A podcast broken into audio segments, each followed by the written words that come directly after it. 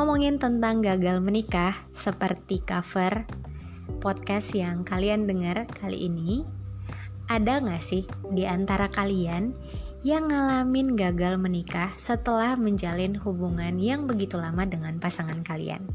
Atau mungkin kalian punya atau memiliki orang-orang terdekat yang mengalami pengalaman gagal menikah? Well, kalau kita ngomongin tentang gagal menikah, agak berat sih ya.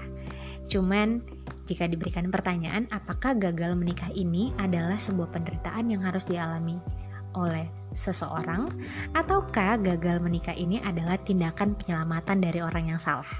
Nah, mungkin karena udah jalanin hubungan yang toksik, tapi pengen menikah terus, ya, punya keinginan untuk menikah, tapi pada akhirnya harus gagal karena satu dan lain hal. Nah, pertanyaan berikutnya adalah, kenapa bisa gagal nikah itu terjadi dalam satu hubungan yang sudah terjalin begitu lama. Mungkin udah 8 sampai 10 tahun mungkin juga 15 tahun tapi nyatanya harus nggak nikah gitu gagal nikahnya. Padahal udah nabung udah ngurus ini itu udah 90% untuk dekor untuk tempat resepsi dan segala macam. Tapi nyatanya harus gagal karena pasangan kita punya trouble punya masalah ya.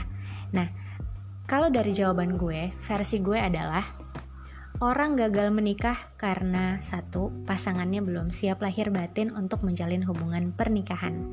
Yang kedua, mungkin juga karena finance-nya yang belum cukup untuk bisa membiayai hidup pernikahan. Yang ketiga, mungkin karena pasangan ini dia masih punya moto hidup YOLO, Y-O-L-O atau Y-O-L-O, You Only Live Once. Jadi pengennya hidupnya bersenang-senang dulu. Atau mungkin yang keempat adalah dia masih mencari-cari pasangan yang tepat untuk untuk dia bangun hubungan pernikahannya.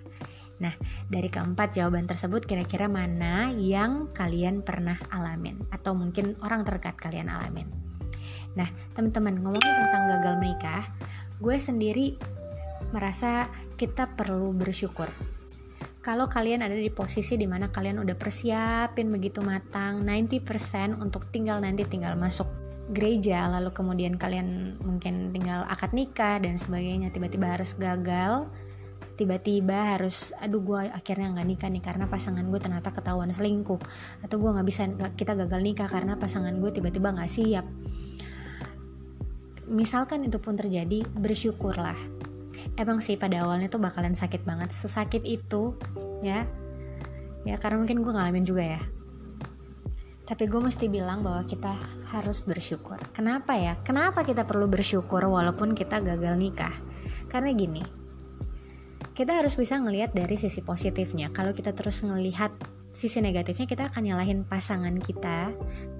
Kita akan terus fokus ke rasa sakit kita. Tapi kalau kita mau pikirannya positif, kita akan lihat bahwa I we have to be grateful. I have to be grateful. Kenapa harus grateful? Kenapa kita harus mengucap syukur di atas masalah yang kita alamin ini, gagal nikah yang kita alamin? Karena satu, kita kita tidak harus bersanding dengan orang yang salah. Kita nggak pernah tahu ya nanti ketika kita nikah hubungannya bakal toksik atau enggak.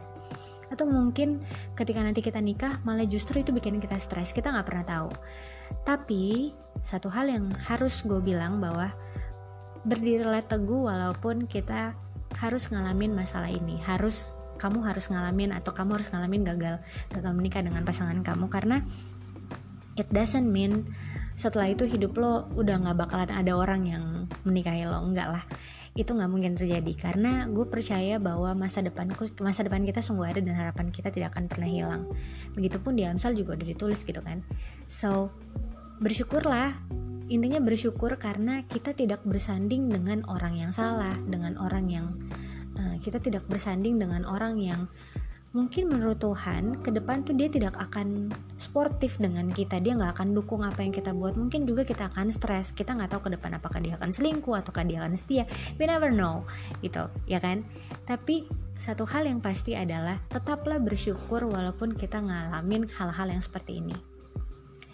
Pengalaman hebat ketika seseorang yang mungkin begitu sangat siap untuk menikah tapi harus gagal karena pasangannya tidak siap. So, buat gue, ini adalah waktu yang tepat untuk kamu mempersiapkan diri kamu lebih lagi supaya ketika nanti kamu menerima pasangan yang baru, pasangan yang Tuhan sediakan, kamu sudah siap dengan hati kamu, kamu sudah punya kerendahan hati, kamu sudah punya keikhlasan, kamu sudah punya kelemah lembutan, pengendalian diri karena kamu sudah ngalamin hal-hal yang berat. Walaupun berat ya, tapi ya at least dalam proses pembentukan itu kamu jadi orang yang punya hati yang besar untuk menerima segala-segala sesuatu yang mungkin akan terjadi lagi di depan. So, don't give up, terus jalanin hidup.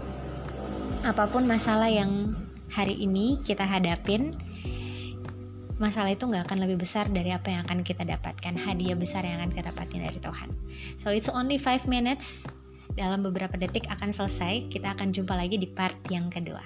I'll see you dan selamat malam, selamat tidur.